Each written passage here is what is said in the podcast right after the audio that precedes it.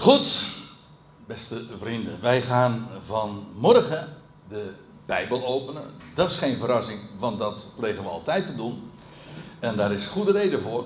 En vanmorgen gaan wij de Bijbel openen bij een geweldig mooie psalm. Ook een tamelijk bekende, hoewel ik denk dat de inhoud ervan uh, behoorlijk onbekend is. En ik vraag me af in hoeverre wij ons ook uh, werkelijk realiseren wat daarin staat. En het is Psalm 19. Die andere psalm, waarbij er 100 opgeteld zijn, die is misschien wat voor het oog en het oor wat bekender, omdat die zo enorm lang is. Psalm 119. Deze psalm is aanzienlijk korter, heeft 15 versen. Nou ja, of 14 versen, dat hangt ervan af. Dat is een beetje ingewikkeld, want de Engelse vertalingen die hebben, die is de versindeling net even anders kan knap lastig zijn. Daar ben ik deze week achter gekomen. Maar ik heb het als titel meegegeven: Kostbaarder dan goud. En die titel is direct ook ontleend aan wat we in deze psalm aantreffen. Nou, laat ik eerst eens een aantal uh, algemene dingen over deze psalm zeggen. We gaan straks uh, vanzelf uh, vers voor vers door de psalm heen, zodat en soms wat snel, maar in ieder geval, ik hoop de hele psalm zo te kunnen bespreken deze ochtend. En in het algemeen zou je dit kunnen zeggen, en u ziet hier eh, de, de hele psalm afgedrukt of afgebeeld. En de psalm valt uiteen in twee delen, waarbij het eerste deel, vers 1 tot en met 7, gaat over het uitspansel of de hemelen. En het tweede deel van de psalm, vers 8 tot het einde aan toe, dat gaat over de schrift. En, ja, nou, een andere uh, eigenaardigheid. Ik, laat ik er een paar even zo op een rijtje zetten. Uh, een van de dingen uh, die in deze psalm zo duidelijk naar voren komen, het gaat allemaal om die ene creator de, de oorsprong, de origine van de schepping, van het uitspansel, de hemelen, maar ook van degene die zijn woord heeft gesproken. Oftewel, het gaat over hem, nou, van wie zojuist uh, gezongen werd, hè? degene die daar altijd is. Dus dat is ook zijn naam. Ik ben, of ik ben er. En dat is de godsnaam, Yahweh. Die naam komt, hoe kan het ook anders, zeven keer voor in deze psalm. De godsnaam, de Heere, zo met allemaal hoofdletters, zoals dat in de meeste Nederlandse vertalingen wordt weergegeven. Maar eigenlijk is dat gewoon Yahweh. Zeven keer komt zijn naam eh, voor, en u weet, zeven, dat is het getal van de volheid. En dus heel uh, voorspelbaar eigenlijk ook dat dat zo is. Maar dit is een geweldige psalm ook en dat zie je iedere keer weer terug. En als ik over de psalmen spreek, dan attendeer ik daar heel graag op. Namelijk op de structuren die daarin, die daaronder liggen. Waar je natuurlijk als lezer zo oppervlakkig gezien niet zomaar op, op stuit. Daar moet je de schrift voor onderzoeken. Dat wil zeggen, je moet onder de oppervlakte gaan kijken. En dan word je gewaar wat de structuren zijn die daaronder liggen. Nou, die twee helften waar ik het zojuist over had, van Psalm 19, uh, eh, die zijn ook parallel. En dat wil ik graag laten zien. Vers 1 tot 4a gaat over de hemelen en het woord dat daarin geschreven is. Het tweede deel van de psalm, de tweede helft, begint, gaat over de Torah en het woord dat daarin geschreven is. Vervolgens krijg je in deel 1b, om zo te zeggen, dan gaat het over, en dan vind je in, uh, in het Hebreeuws, in het Nederlands heb ik het ook zo weergegeven, wat daarin is. In hen, dat wil zeggen in de hemelen, is daar de zon en die wordt dan beschreven vanaf vers 4b tot 7. We komen daar straks vanzelf uh, op terug. Maar eh, parallel daaraan vind je in vers 12 tot 15, waar de psalm mee afsluit, dus 1b, loopt parallel met 2b. Namelijk wat daar in hen, maar in dit geval gaat het niet over in de hemelen, maar over wat er in de Torah, in de schriften, in de onderwijzing van God gelegen is. Wel, in hen, wie vind je daar? Uw knecht. Zodat uh, deze twee delen inderdaad dus parallel en eigenlijk ook elkaars spiegelbeeld vormen. En ja, de, de gedachte hierachter, ik zal daar vanmorgen niet zoveel over vertellen.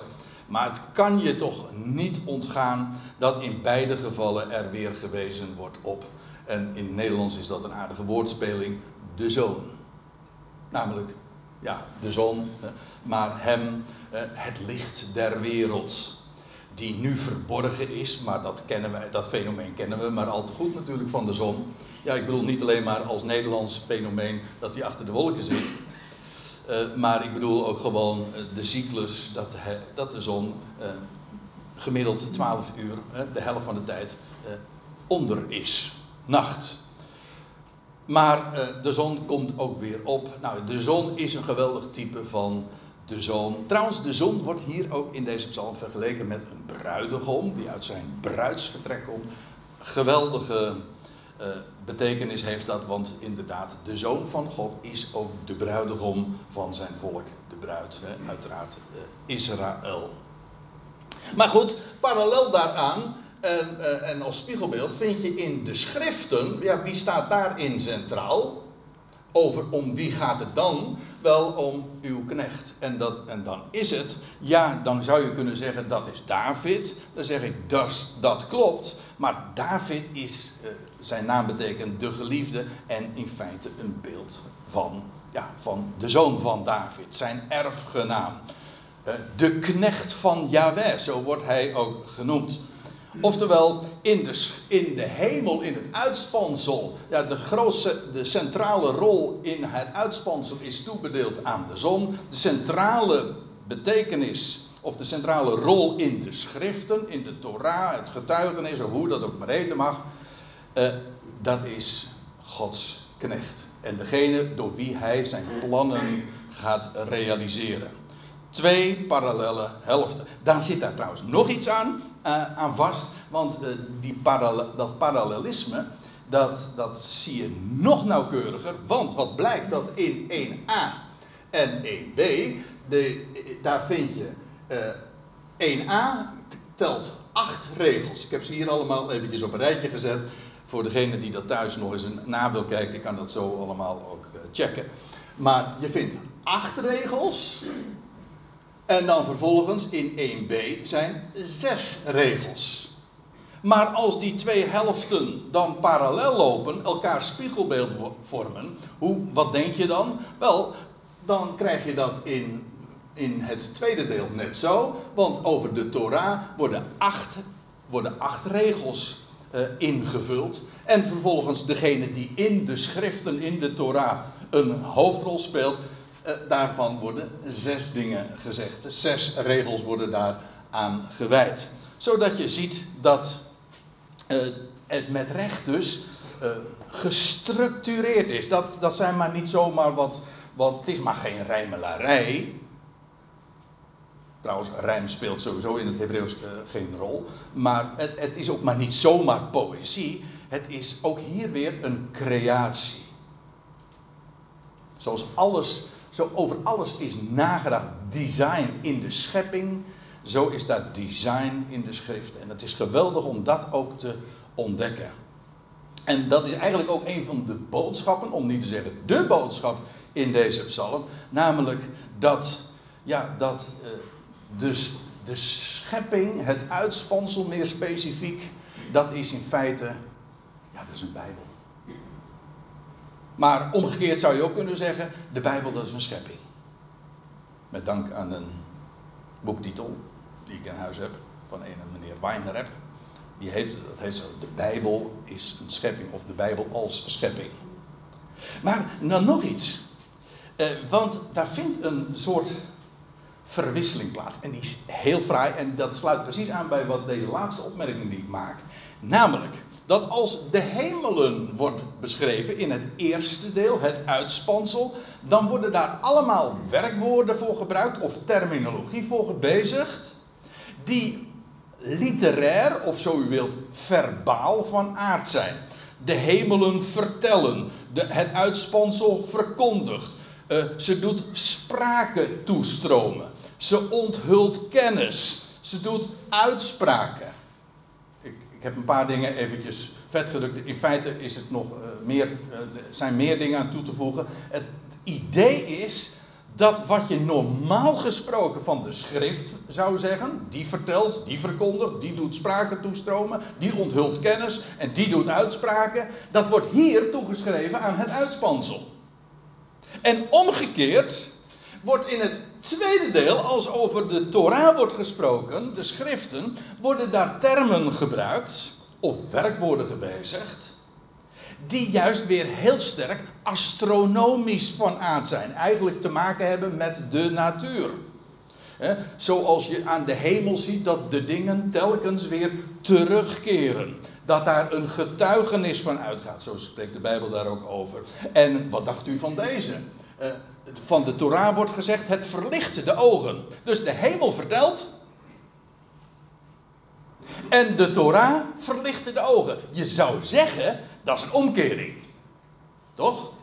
Nee, het is, het, het is, het is, het is met opzet. Eh, je struikelt eigenlijk ook over de wijze waarop David deze dingen neerzet. De hemel, ver, uh, de hemel verlicht. Uh, de vrees van Jahweh is bestendig. Dat wil zeggen, het blijft staan. Het, is, het gaat maar door. En uh, het waarschuwt. Uh, het zou geobserveerd worden. Er, er wordt verduisterd. Dat is, een, dat is een kwestie apart. Ik, ik, ik, wil niet op al die details te diep ingaan. Ik wil er alleen even op wijzen. Wat je ziet is dit. En dat is de, eigenlijk de bottomline van wat ik nu vertel. Het uitspansel dat is als een Bijbel. En de Bijbel is als een uitspansel. Het uitspansel verkondigt en vertelt en doet spraken toestromen en geeft kennis door. En de Bijbel, ja, dat die verlicht. En doet wederkeren. Trouwens, er worden nog meer termen gebruikt in verband met die Bijbel, want die Torah wordt dan ook nog vergeleken met, met goud. En wordt vergeleken met honing dat inderdaad ook de ogen nog verlicht. Nou ja, daar komen we straks wel over te spreken. Maar dit is eigenlijk, als ik het zo mag samenvatten, Psalm 19. Met andere woorden, en zo had ik het in de aankondiging van deze psalm ook, uh, van, van deze studie ook geformuleerd. We hebben twee boeken. Het is een beetje een ouderwetse formulering. In het uh, in modern Nederlands zeg je dat niet meer zo. Maar het is nog gemakkelijk te begrijpen. Men zei dan vroeger, en toen had men er nog verstand van, want wij denken dat we wijzer worden, ik denk dat we steeds dommer worden. Maar goed, dat is, weer een verhaal apart. Nee, we zijn allerlei wijsheid kwijtgeraakt. Trouwens, als we het over, over het uitspansel hebben, dan weet ik dat sowieso. Want ik had een oma, nou, die, uh, uh, die had geen opleiding van een noten. Totaal niet. Ze was groot geworden op een boerderij in de Haarlemmermeer. Maar wat die allemaal wist over de sterrenhemel. En over, uh, over wanneer uh, weer een sterrenbeeld zichtbaar zou worden. En wat daar zou. Sowieso het observeren van de atmosfeer. Daar was veel meer kennis, know-how over die dingen. Mijn oma die vertelde daarover. En, en nu, nu weten we er helemaal geen bol meer van. Het stilpannetje, nou, met een groot. Als je, als je een beetje geluk hebt, kun je dat dan nog onderscheiden we hebben er, of we hebben er wel eens van gehoord, maar daar blijft het ook wel bij. Maar er zit zoveel in. Ik, een van de meest uh, populaire, ik weet niet of ik het zo mag zeggen, maar in ieder geval een van de meest uh, afgespeelde studies die ik ooit gegeven heb, dat is al een jaar of tien geleden, die ging over deze psalm. Maar toen heb ik ingezoomd over op de hemelen vertellen en toen heb ik het verhaal van de sterrenbeelden verteld. Heel kort, dat moet ik nog eens veel uitgebreider gaan doen. Maar toen heb ik verteld hoe de 48 sterrenbeelden nou ja, uh, ja, 48, ja. 12 sterrenbeelden, maar elk heeft weer drie decanen. Maar goed, 48 sterrenbeelden. Hoe dat hele verhaal één grote verkondiging is van het evangelie. Toen, ik heb het die titel toen gegeven. Het evangelie in de sterren. En al die sterrenbeelden van de maagd tot de leeuw aan toe. Ja, van de maagd tot de, leeuw aan toe. De leeuw van Juda. Allemaal, stuk voor stuk, in volgorde, gestructureerd, is het een verkondiging van het evangelie. Dus als je zegt van het evangelie vind je hier, dan zeg ik ja, maar het staat ook elke dag gewoon aan de hemel. In Nederland zien we het misschien niet zo. Uh, we zien het sowieso niet, want juist als je niet naar kijkt, dan... Uh, hè? Maar u, u, begrijpt wat ik bedoel. Gaat, dat staat daar gewoon allemaal gratis. Kom daar nog maar eens op. Gratis licht. Geen kunstlicht, echt licht. Dat is echt licht. En dat doet de mens ook stralen als je daar eenmaal kennis van hebt gekregen. En dat is allemaal oude kennis. We weten daar helemaal geen bal meer van. Of evangelische christenen hebben dan al gezegd, dat is occult, daar mag je je niet mee bezighouden. Ja, allemaal hoela, God heeft dat niet voor niks allemaal aan de hemel gezet. De hemelen vertellen Gods eer. Twee boeken, één, eh, één auteur. Oh, dat wou ik nog zeggen. Eh, dat, uh, hoe men dat dan vroeger formuleerde. Dan zei men, God, de schepper, heeft twee boeken geschreven. De natuur en de schriftuur. Twee boeken. Eén auteur. Het is dezelfde schepper. Sterker nog, de schepping is voortgekomen door zijn woord. Alle dingen zijn door het woord geworden. Hij sprak en het was er. Dat is God. Nou, twee boeken, één auteur. Uh, we gaan eens naar de psalm zelf toe. Dit waren zo wat inleidende dingen die, uh, uh, die je zo in het algemeen over deze psalm kunt zeggen. Nu gaan we even wat naar de details. dit wordt even meteen wat een, een, ander puntje. ik skip eigenlijk het eerste vers, want ik denk, ik, ik heb dat bij een andere gelegenheid wel eens uitgelegd. Dat ga ik nu dus niet doen. Maar ik geloof dat dit eerste vers niet het eerste vers is van Psalm 19, maar de afsluiting van de voorgaande psalm. Uh, zodat, uh, zoals het begin van Psalm 20 eigenlijk de afsluiting is van Psalm 19. Waarom ik dat geloof, dan, dan kan ik u. Dat ga ik niet uitleggen, maar ik, ik verwijs even naar het slot van Habakkuk 3. Als je daar even goed aandacht aan geeft, dan begrijp je wat ik bedoel. Goed. in de praktijk moet ik er meteen bij zeggen dat het geen bal uitmaakt. Uh, nou geen bal, maar in ieder geval maakt het niet zo gek veel uit. Want uh, in beide gevallen uh, is het toch een. voor de koorleider en bovendien, het is een Davidische psalm. Het is een psalm van David, zo u wilt. Dus of het nou aan het begin of aan het eind staat, dat maakt in die zin dus niet zoveel uit. Nou, dan beginnen we bij vers 2. die, die, geweldige opening van de psalm. De hemelen vertellen Gods heerlijkheid. En het uitspansel verkondigt het werk van zijn handen. Over parallelisme gesproken. Dit is mooi parallelisme. Want wat zie je? De hemelen komt overeen met het uitspansel. En het vertellen hier komt overeen met het verkondigen uit deel B, of uh, in B.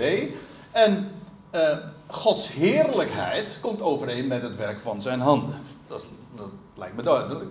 Want trouwens, um, uh, ja, wat is Gods heerlijkheid? Wat, laat ik het anders zeggen. Wat is, het wat is de heerlijkheid van een auteur? Ja, zijn boek natuurlijk. Wat is de heerlijkheid van een schilder? Zijn schilderij. Wat is de heerlijkheid nou van God? De schepper. Nou, het werk van zijn handen. Daar legt hij zijn glorie in. En sterker nog, daarin is hij ook te herkennen. Want elk, elke kunstenaar, elke artiest, of het nou een schilder of een componist is, of een muzikant, maakt niet uit. Je herkent hem of haar in dat wat hij produceert. En op een gegeven moment, als je, een, als je, uh, als je vertrouwd bent met iemands muziek of met bepaalde schilderijen, dan weet je meteen, oh dat is een, dat is Bach of dat is, uh, dat is Rembrandt. Ja, waarom? Omdat hij bepaalde karakteristieken heeft in de hele schepping, ja, wie herken je daarin? Natuurlijk degene die het gemaakt heeft. Daarom, eh, in dat wat hij gecreëerd heeft, herken je de schepper, logischerwijs. Zodat wat hij zegt, uh, eigenlijk dus synchroon loopt. Dat is niet helemaal het woord wat ik bedoel, maar ehm, eh, dat, is, ja, dat is één op één zomaar te leggen op dat wat hij gedaan heeft, wat hij gesproken heeft. Goed. Ehm, de hemelen vertellen ja, Gods heerlijkheid. En ik vind, dat, uh, ik vind het van belang om er nog even op te wijzen dat dus de hemelen niet, maar dat is dus een astrologische leugen, uh, dat die onze heerlijkheid vertelt. Zo van, uh, in, aan de hemel gaat het over jou en mijn leven. Ik denk niet dat ik echt veel moeite moet, hoef te doen hier om dat, uh, om dat aan te tonen. Maar goed, er zijn mensen die dat denken, dat, de, dat, dat mijn toekomst in de sterren staat geschreven. Maar niet mijn toekomst staat in de sterren, zijn toekomst. Dat wel. Dat staat in de sterren geschreven. En dat heeft God gedemonstreerd aan de hemel. En de hemel, daar gaat een geweldige sprake van uit. En de hemelen laten niet alleen maar zien dat er een God moet zijn. En hoe groot hij moet zijn. Zoals mijn vader dat altijd zei. Als, als het werk van zijn handen al zo groot is. Hoe groot moet de schepper zelf dan wel niet wezen? Ja, en dat, dat, dat vind ik altijd geweldig. Dat is om, zo om daarbij bepaald te worden. De hemelen vertellen Gods heerlijkheid. Oftewel, het uitspansel dat uh, verkondigt het werk van zijn handen. Ik ga verder. Van dag tot dag doet zij spraken toestromen. En van nacht tot nacht onthult ze kennis. En dat wij onze oren daarvoor hebben gestopt. En dat we daar helemaal niet meer naar kijken. Laat staan studie van maken. Laat staan. Maar we hebben eigenlijk, we hebben, de afslag hebben we al nog, nog eerder gemaakt. Kijk, op het moment dat je niet meer realiseert dat het werk van zijn handen is. Ja, dan is het allemaal gewoon toeval. Dan gaat er helemaal geen sprake van uit. Dan is het niet iemand die een boodschap hierin achterlaat. Dan is het allemaal puur random, gewoon toeval. Ja, of het is creatief.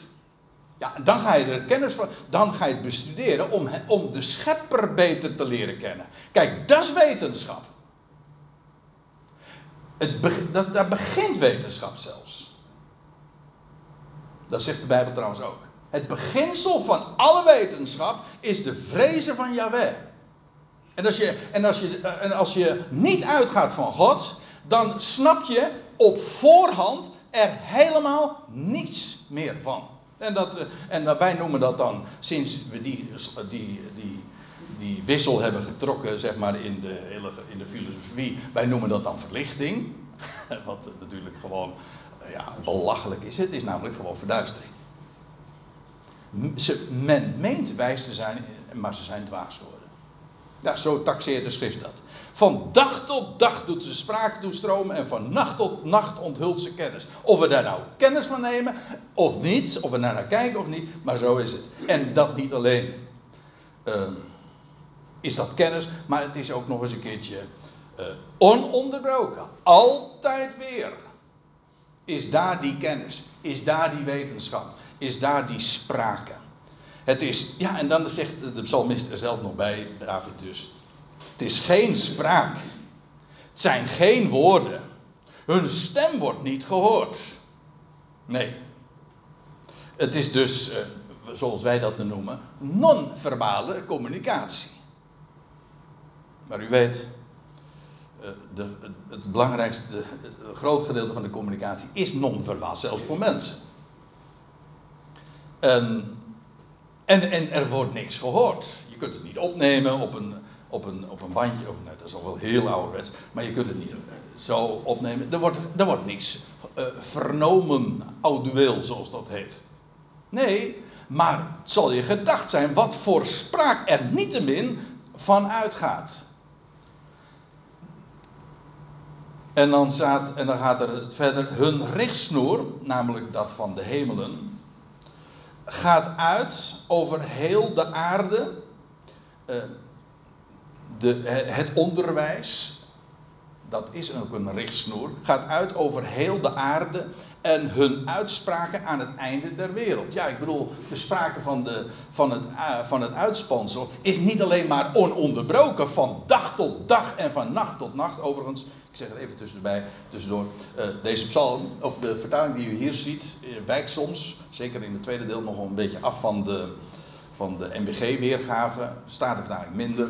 maar is erg hierop gebaseerd. Goed, dat even terzijde. Maar de, de sprake die van de hemel uitgaat is universeel. Ik bedoel, of je nou hier, in, of je hier nu in Nederland bent, of in Zuid-Amerika, of in Afrika, of in Australië, whatever. Overal is dat te zien. Het is universeel. Het is ook ononderbroken. Altijd. Je hoeft je hoofd maar omhoog te, te doen. Dat is trouwens zo een hele goede houding voor de mens. En ik heb u ooit wel eens verteld, geloof ik, dat, dat het eigenlijk ook een, vanuit het Grieks bezien ook de betekenis is van het woord mens. Namelijk iemand die omhoog kijkt.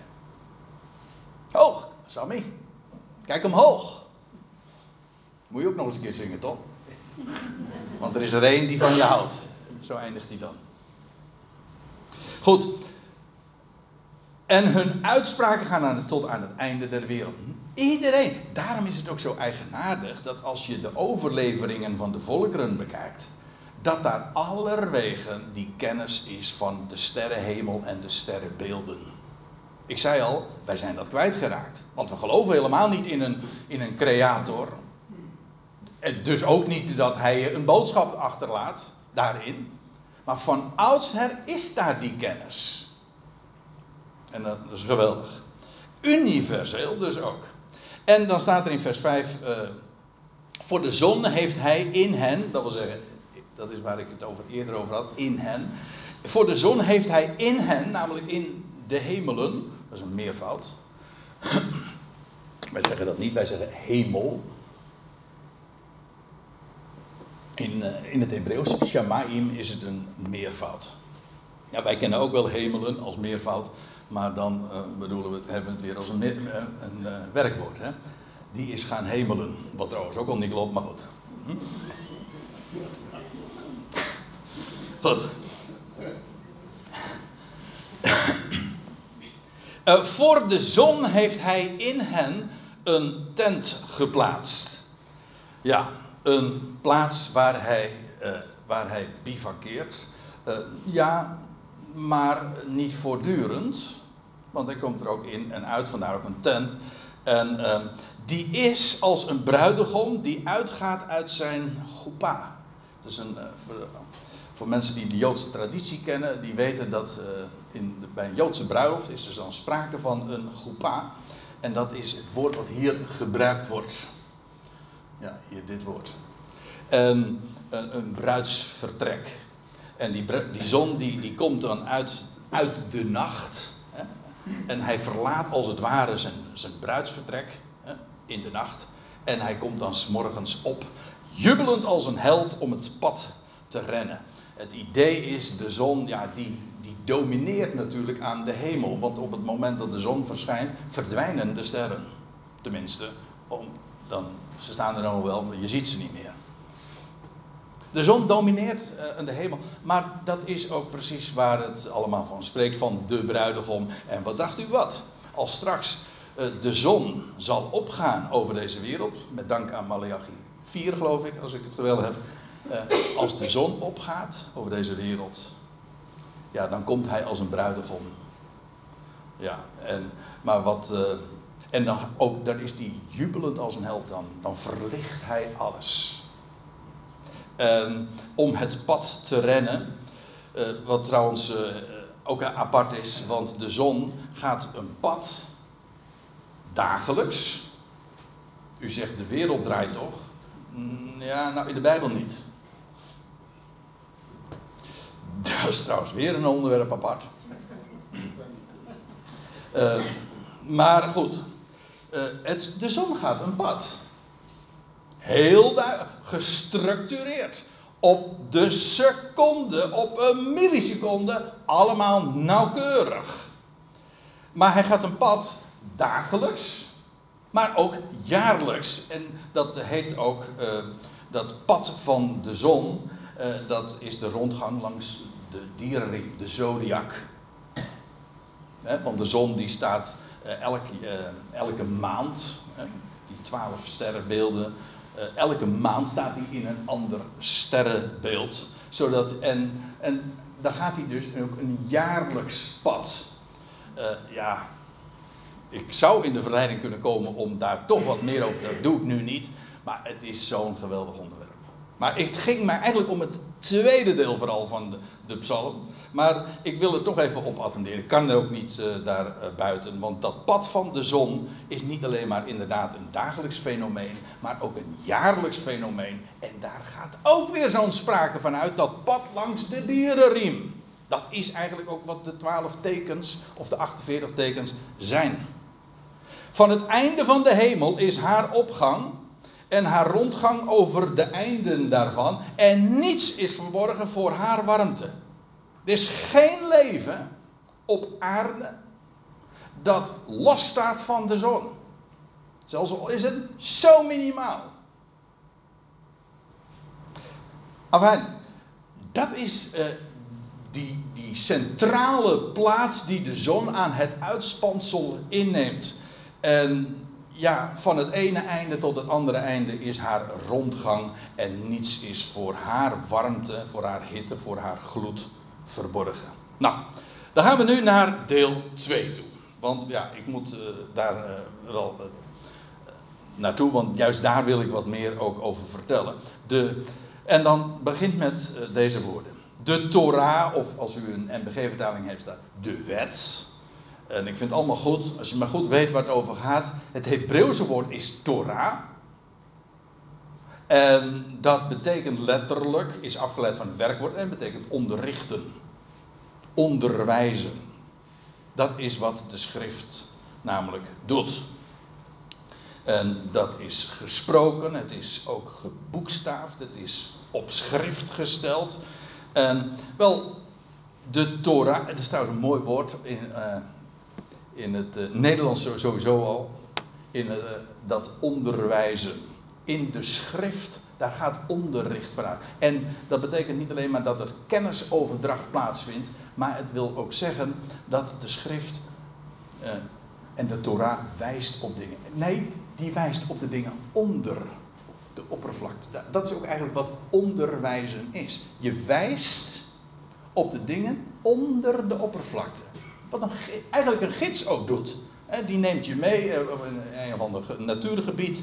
En dan, ja, een, een, gids doet al niet anders dan alleen maar wijzen. Heb je daar wel eens op gelet? Of hij tilt even iets op en dan zegt hij: Kees, kijken wat eronder ligt. Nou, dat is onecht onderricht. Gewezen worden op dingen. Niet uh, met argumenten een ander over, overdonderen met, jou, met jouw uh, opinie. Nee, gewoon wijzen op de dingen die gewoon beschikbaar zijn. Vrij. Kijk daar eens naar. Let daar eens op. De, de, de Torah van Yahweh, de eerste keer nu dat die naam van God genoemd wordt, is onberispelijk. Het woord wat hier gebruikt wordt betekent eigenlijk letterlijk af. In de zin van compleet. Het is gaaf. In deze psalm wordt op een geweldige, majestueuze wijze gewezen op, op de volmaaktheid, de onberispelijkheid, maar ook de compleetheid van de schriften. Wij gaan, wat ik zojuist zei over de schepping, we gaan er allemaal on, uh, ja, we gaan daar aan voorbij. We weten niet meer wat daar. We onderzoeken ook niet meer hoe de, de schepping spreekt van de schepper. Dat is echt wetenschap. Maar dat geldt van die Bijbel ook. Ach, schriftstudie. Weet je, en hooguit wordt er nog over gepreekt. Ik heb, u, weet, ik heb een allergie voor dat woord. Ja, en dat betekent gewoon, er wordt hooguit een tekst genomen, wordt dat dient als een kapstok. Om dan, je hebt eigenlijk al een bepaalde gedachte. Nou, dat is wat ik graag de mensen wil vertellen. Dat, moet, dat is wat ze moeten doen. En, uh, nou, eens even kijken. Oh, pakken een tekst, hangen het op. En wij, in mijn gedachten hangen ik daarop en dan heb je een preek. Ja, hallo. Maar dat is geen schriftstudie natuurlijk.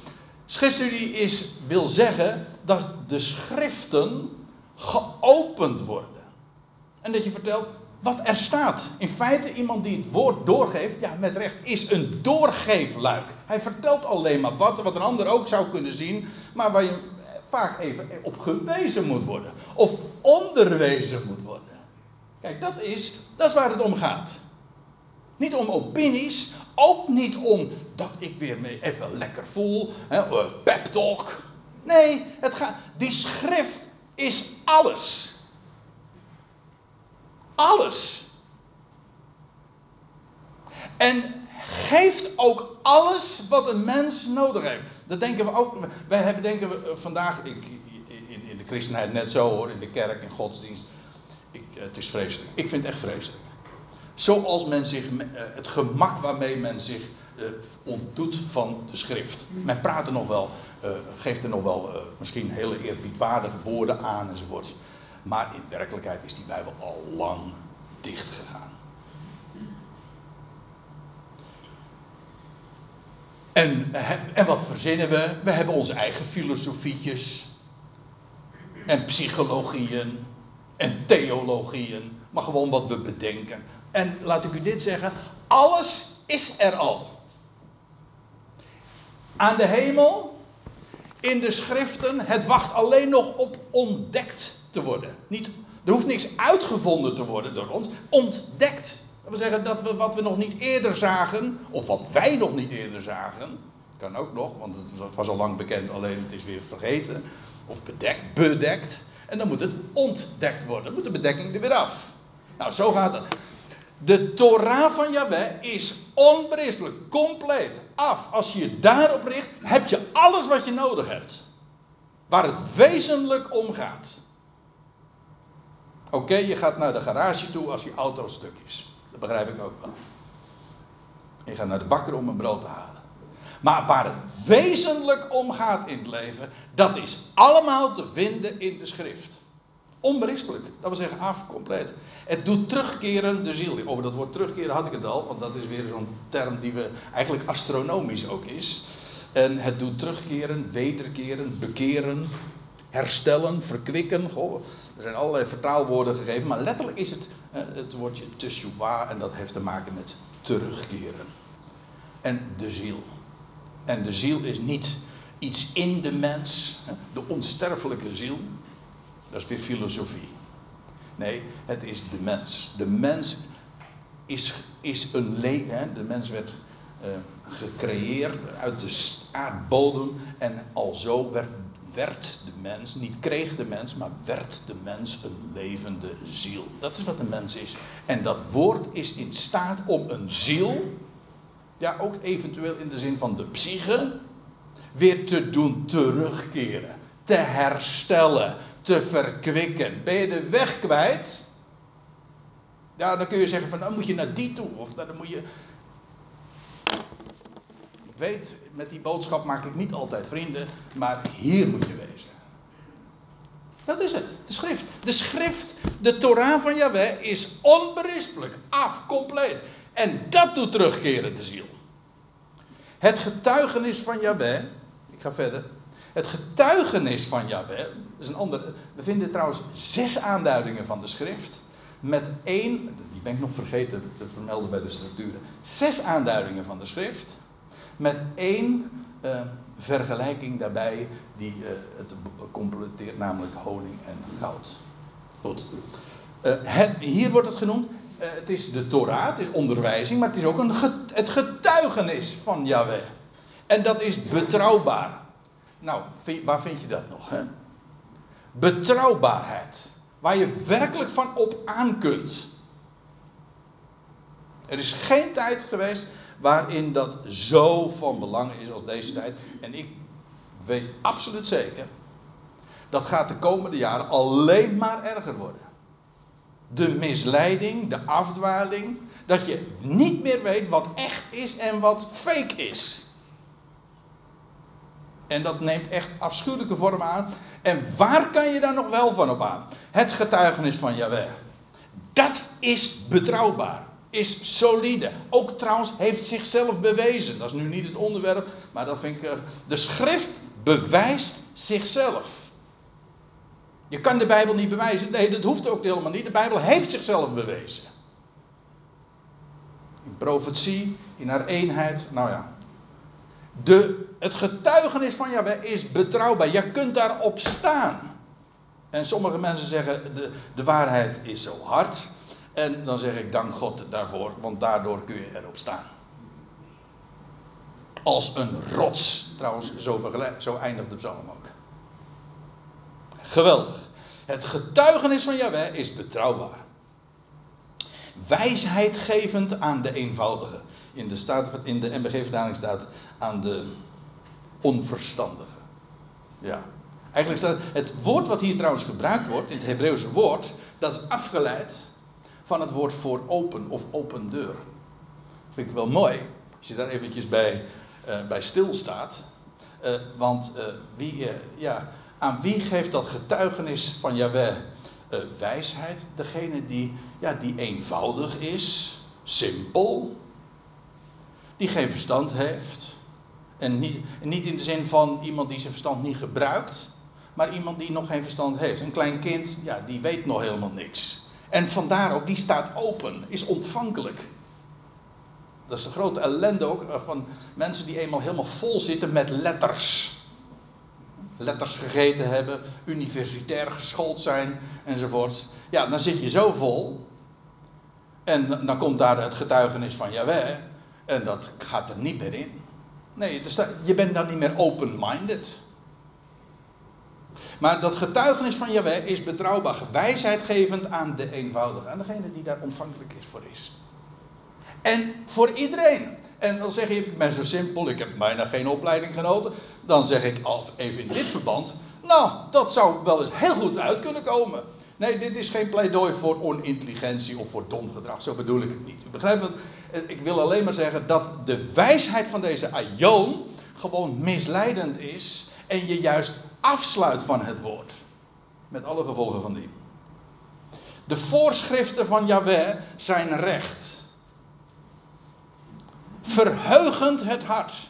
Ja, dat zijn de voorschriften van Yahweh. Wij, wij denken bij voorschriften altijd iets. Oh, dan moet ik dat doen. Nee, de voorschriften dat zijn maar niet alleen, dat zijn maar geen bepalingen uh, zoals dingen behoren te gaan, dat moet jij doen, maar zoals zullen gaan. Het is tevoren geschreven. Mooi woord, hè? Voorschrift. Uh, zoals dit. Kijk, ik heb het eventjes van het internet gehad. De zon gaat onder. Vanavond om 1 minuut over 8, 13 september van dit jaar. Uh, ja, in Rijnsburg. Ja, dit is mijn post, onze postcode. uh, weet u dat ook weer? Nou, ik bedoel, dit te zeggen, dat is gewoon voorschreven. En als ik wil weten wanneer de zon ondergaat op, uh, op uh, in, nou ja, noem maar wat, in januari, de 22 januari 2032, dan kan ik dat op de seconde nauwkeurig ehm, achterhalen. Geen enkel probleem, want het is namelijk allemaal voorschreven. Het zijn natuurwetten. Zo gaat dat. Als ik dit laat vallen, of als ik dit, nee, als ik dit, ja dat is leuk hè, dan zeg je, dan laat ik het vallen. Nee, ik zou het alleen maar loslaten. Het gaat vallen, geheid hoor. Waarom? Ja, zo gaat het. Dat is, zo is het beschreven. Dus een natuurwet. De voorschriften van Jahweh, dat wat hij voor. Zo gaat het. En dat is recht. Zo moet het ook gaan. En dat is ook terecht. En het, eh, ja, het verheugt het hart. Daar ben ik juist zo blij om. Want als God de dingen beschrijft en voorschrijft, dan vertelt, zo zal het gaan. En juist dat uh, maakt een mens zo enorm blij. Als er één bron van vreugde is voor een mens, is de wetenschap dat, dat, dat wat hij zegt altijd bewaarheid wordt. En dat er bij hem nooit iets misgaat. En dat hij alles recht zet en alles ook weer terecht brengt. als je dat weet, ja, een grotere bron van vreugde zou, kan ik niet bedenken. Het verheugt het hart. De instructie van Yahweh, weer zo'n aanduiding voor de schrift, de Torah, het getuigenis, eh, de voorschriften, de instructie van hem, dat is zuiver. Je leest eh, eerder in de psalmen, psalm 12 is dat, of is het psalm 11? Nee, Psalm 12, vers 7. Uh, daar staat de, de, dat het woord van God gelouterd is, zevenvoudig. Zevenvoudig gelouterd. Zo puur, zo zuiver. En wij gaan er zomaar achterloos aan voorbij. En we hebben een buil en dan zeggen we vertaling, oh, maakt allemaal geen bal uit, weet je wel. Je weet niet half hoe belangrijk het is om accuraat de schriften te onderzoeken en om daar bij die bron te komen. Hoe heeft hij het echt precies gezegd? Want dat is wat het hart inderdaad verheugt. Het, eh, en het is zo zuiver, zo loepzuiver, zoals de schepping. Het is een bron, uh, ja, het is een bron van, van, van kennis, maar ook uh, je, je kan daar voortdurend tot in, ja, tot in het oneindige kan je daarin onderzoek doen. En nooit ben je daarin klaar. Het is, het is nooit af. Het is zo'n oneindig. Sommige mensen zeggen, oh, jij weet een hoop van de Bijbel. Zeggen we, je weet nog helemaal niks, joh. Dat meen ik echt. Ik zeg wel, als, als, de, als, als de kennis van de schrift uh, een oceaan is, dan denk ik dat we nu ongeveer, als ik voor mezelf praat, denk dat ik net van wal gestoken ben. Dus trouwens ook, als er iets, wat als er iets is wat je afsluit voor, voor de wijsheid van het woord, is te denken dat je het allemaal al weet. Want ja, dan gooi je de boel dicht. Dan hoef je niet meer te weten, want ik weet het allemaal. En dat juist, dat geldt trouwens voor de, van de kennis van de schepping ook. Als je denkt dat je het allemaal weet, ben je niet nieuwsgierig meer, want je weet het allemaal, denk je. En dat maakt je dus zo closed-minded. De instructie van Yahweh is zuiver en het verlicht de ogen. Ja, zoals de zon en de maan en de sterren dat doen, zo verlicht de schrift onze ogen. Zo, zo zie je de dingen. Hoe, hoe kun je zicht hebben in een, in een wereld die donker is, waar alles zo troebel, en, uh, zo troebel is en waar zoveel verwarring is door het licht van de schrift? Dan weet je waar je vandaan komt, dan weet je waar je naartoe gaat. En dan zie je het ook weer zitten. Dan zie je het, maar dan zie je het ook weer zitten. Waarom zien mensen het niet zitten? Ja, omdat het donker is. Ja, waarom? Omdat je geen uitzicht hebt. En waarom heb je geen uitzicht? Ja, je kent hem gewoon niet. niet of niet echt, kennelijk. Of het, is nog niet, het kwartje is niet helemaal gevallen. Het verlicht de ogen. De vrees van Yahweh is rein. Dat betekent vrij van smet of vlek. Het betekent er is niks op aan te merken. Dat is de vrees, het ontzag voor hem. Zoals we dat hier in de schriften vinden. En het is bestendig voor de toekomst. Uh, het staat um, ja, bestendig.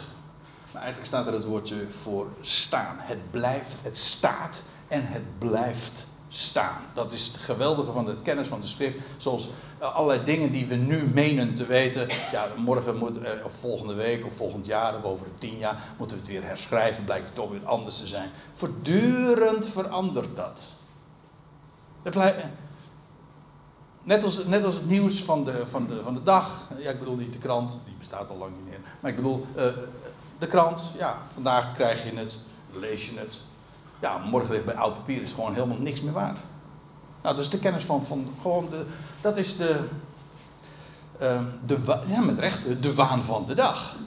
Daar heb je eigenlijk dus geen bal aan. Je hebt, waar je werkelijk wat aan hebt, is wat, wat 100 jaar geleden waar is, was. En wat nu waar is en wat over 100 jaar nog steeds waar is. Kijk, dat is waar je wat aan hebt. Wat de eeuwen, de millennia, de ionen trotseert. Dat is wat het woord is. Het is bestendig voor het. Het blijft staan.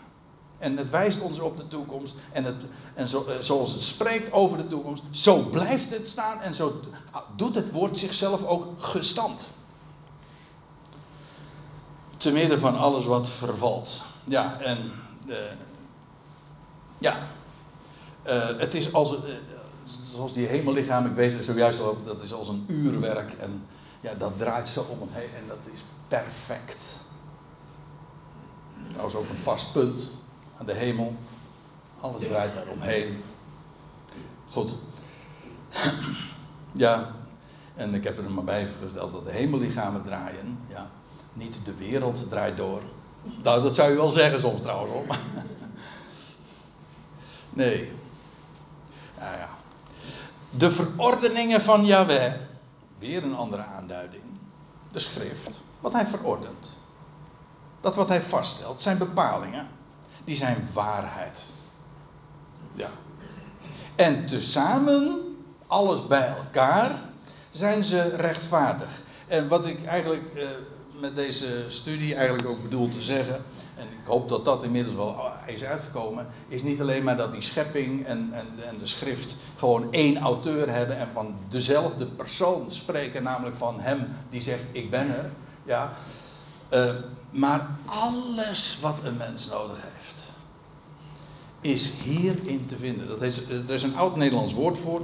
Ook dat gebruiken we niet zoveel meer. Net als het woord schriftuur. Maar we, uh, het woordje algenoegzaam.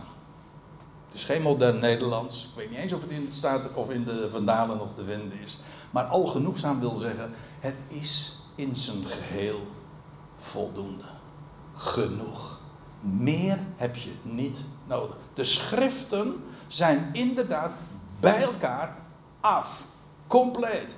De waarheid. Tezamen rechtvaardig. Wil je, recht, wil je weten wat rechtvaardigheid is? Wil je weten wat rechtvaardig leven is? Wat in de Bijbel trouwens hetzelfde is als gelovig leven. Want God rekent geloof tot rechtvaardigheid. Dan moet je bij de schriften wezen. Ik zeg dit eigenlijk ook. Nee, ik zeg eigenlijk, dat woordje moet ik weglaten. Ik zeg dit ook juist, en daarom, dat is om eerlijk eerlijk te zeggen, um, dat is ook de directe aanleiding. Van de week las ik weer iets. Waar er gewezen werd in de christelijke pers natuurlijk. Ja, dat is al, en daar staat er van, um, ja, dat zegt de Bijbel wel, maar dan werd er ook gewezen. Maar de filosofie, in dit geval ook de psychologie, dat hebben we nodig. Dus als een mens werkelijk vreugde wil vinden en zo. Nou ja, nee, nee, daar hadden ze niet over. Uh, over ze hadden het erover als je weer, nou ja. Uh, er werd zo veronacht, de schrift werd zo veronacht, zo van de Bijbel zou niet voldoende zijn. Ik zal u dit vertellen, de schriften zijn inderdaad al genoegzaam. En als, je, als er één psalm is die juist op die waarheid ook wijst, dan is het wel deze. Ze zijn begeerlijker dan goud, ja, dan veel glitterend, dan veel fijn goud. Ja, goud. Uh, ja, waarom is dat zo begeerlijk? En vandaar ook omdat het zo, iedereen het begeert. En er maar, het is schaars.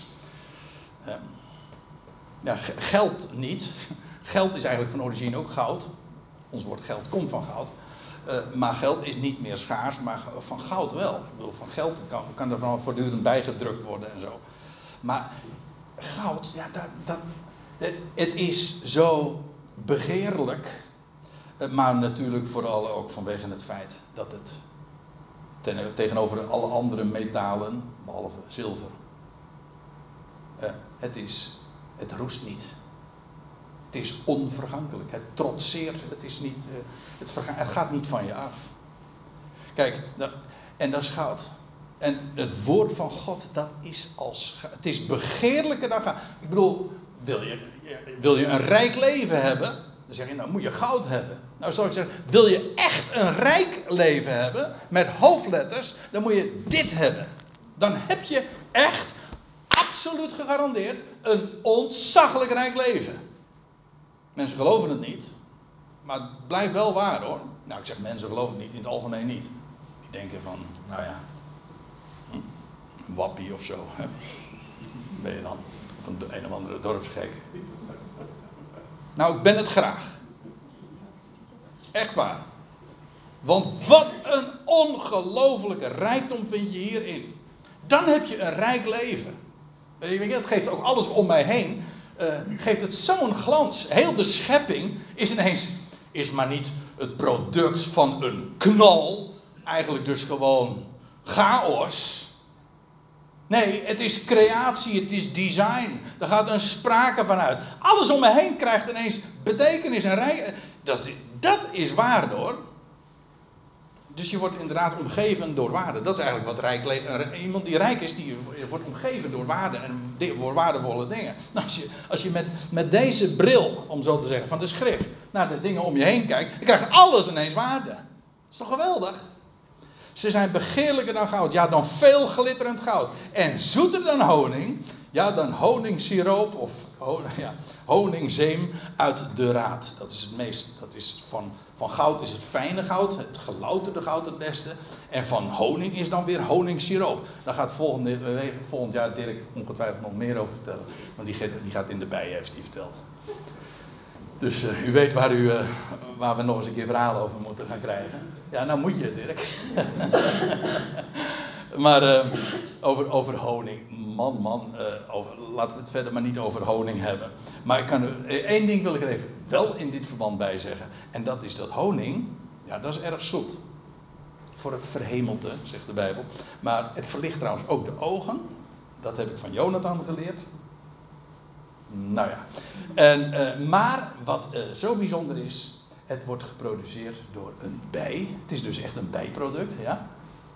Maar een bij in het Hebreeuws, dat is het woord dabar. En het woord voor woord is ook dabar.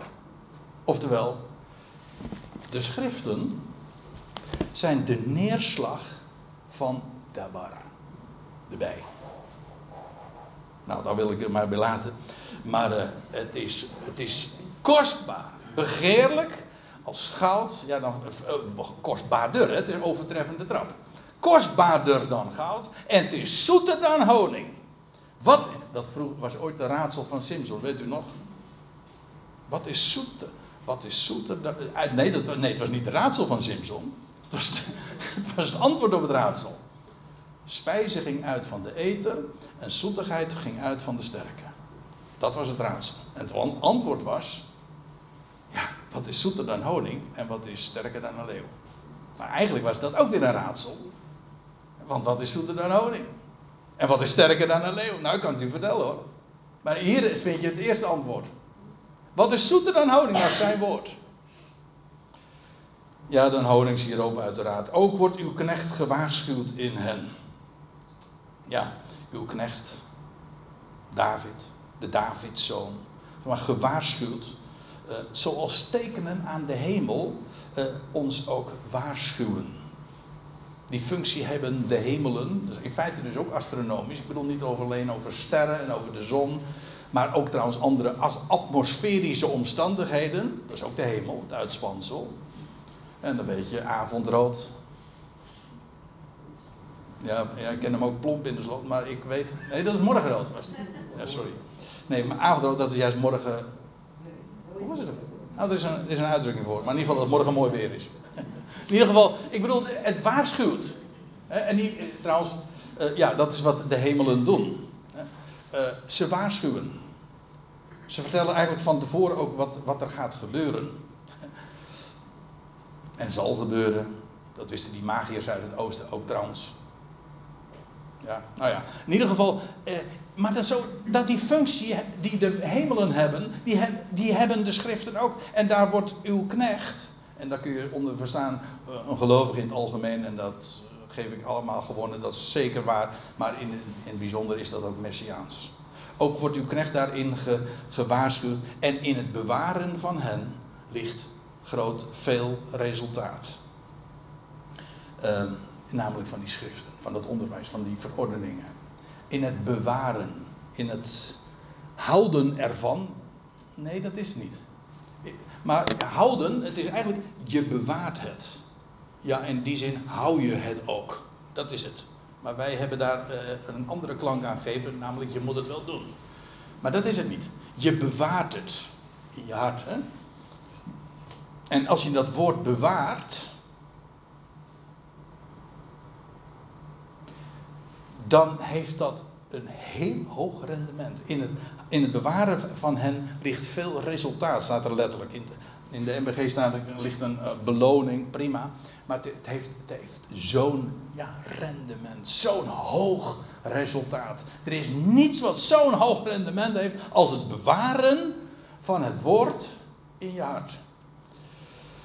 Trouwens, dat bewaren dat is ook weer een astronomische term in de zin van observeren, zoals een sterrenwacht dat ook uh, doet. Fouten, zegt de psalmist dan nog, wie bemerkt ze? Ja, vergissingen zijn zomaar gemaakt. Nou, zegt, maar doe mij van de verborgen fouten mij vrij uitgaan. Ja, dat, en dat is wat de schriften ook doen. Die maken mij en jou, ons opmerkzaam. Dingen waar je zomaar achterloos aan voorbij gaat, dat word je door de schrift in voorgelicht en geattendeerd en opmerkzaam gemaakt.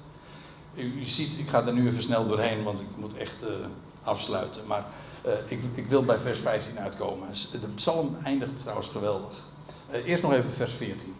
behoed, die is trouwens de laster. Dat is de laster, het lastigste vers, tenminste vertaaltechnisch gezien. Uh, behoed ook uw knecht voor overmoedigen. Dat woord behoeden is eigenlijk ook een astronomische term, want in het Hebreeuws staat hier een woord dat eigenlijk duister of verduisteren betekent. Maar dat is ook astronomisch. En het behoedt ook uw knecht, verduister uw knecht voor, niet voor overmoed, nee, het staat meervoud, voor overmoedigen. Die het beter menen te, dan de schrift, dat is overmoed. Hè? Om niet te zeggen arrogantie. Maar eh, eigenlijk wat de schrift ook doet, is, kijk, aan de ene kant het woord verlicht de ogen, het verheugt het hart, ja, maar het leert ons de overmoedigen te negeren. Als iets verduisterd wordt, dan zie je het niet meer. Hè? Dan, nou, dan, zie, ja, dan zie je het domwel niet. Nou, dat is wat de schrift ook doet. Het attendeert je op de dingen die je moet zien en de dingen die je, ja, die niet ter zake. Bijvoorbeeld alles wat er ingefluisterd wordt en geroeptoeterd wordt. Hè? Om nog een andere term te gebruiken. Ja, dan ga je negeren. Dat wordt donker. Zie je niet. Laten zij mij niet beheersen en dan ben ik onberispelijk en vrij van veel overtreding. En dan vers 15. Laat welgevallig zijn de uitspraken van mijn mond en het prevelen van mijn hart. Dat is leuk. Eh, de overdenkingen van mijn hart. In het Hebreeuws staat eigenlijk zoiets iets van uh, mompelen. Iets wat je zachtjes zegt. Gewoon van binnen. Sommige mensen kunnen dat zonder, me, zonder dat ze iets zeggen. Ik heb, ik heb de naam thuis. Dat als ik, uh, als ik uh, aan het denken ben, dat ik zachtjes mompel. En dan kunnen, als, als mensen dan goed luisteren, dan kunnen ze misschien iets opvangen. Wat trouwens nog maar de vraag is of je dat nou zo aantrekkelijk is. Maar u begrijpt wat ik bedoel. Als iets wat je overdenkt, wat je mediteert, wat je ja, overpijnst. Het prevelen van mijn hart. Er staat in de NBG-vertaling, trouwens, zo zouden we hem ook hebben, kunnen zingen. Uh, mogen de woorden van mijn mond en de overleggingen van mijn hart voor u welgevallig zijn. Ja, hoe zou dat kunnen?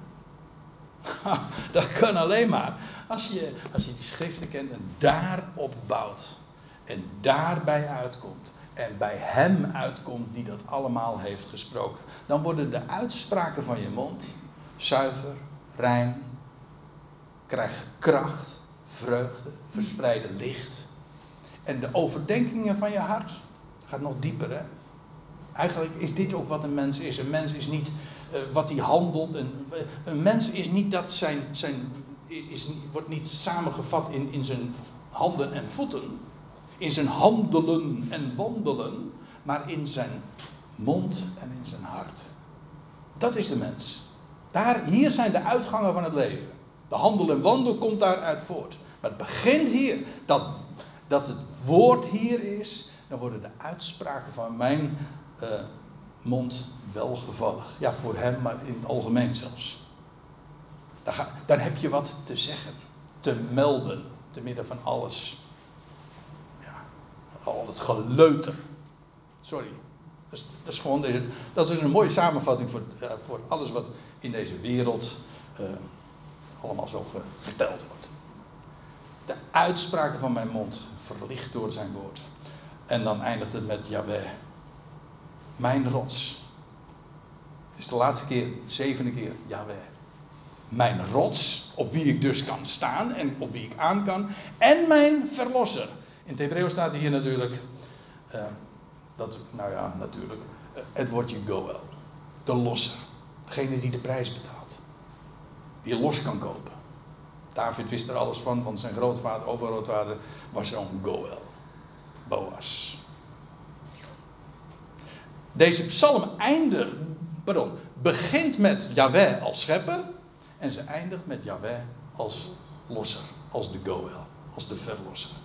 Dat is een mooi plaatje eigenlijk van de hele heilsgeschiedenis, van de hele wereldgeschiedenis, van het begin tot het einde. Hij begint als schepper en hij eindigt als de verlosser, als de Goel van diezelfde schepping. Wat een geweldige God is Hij. En daar wilde ik het bij laten. Ja, nou ja, uh, zo eindigt de psalm dus, hè? maar dat had ik al verteld.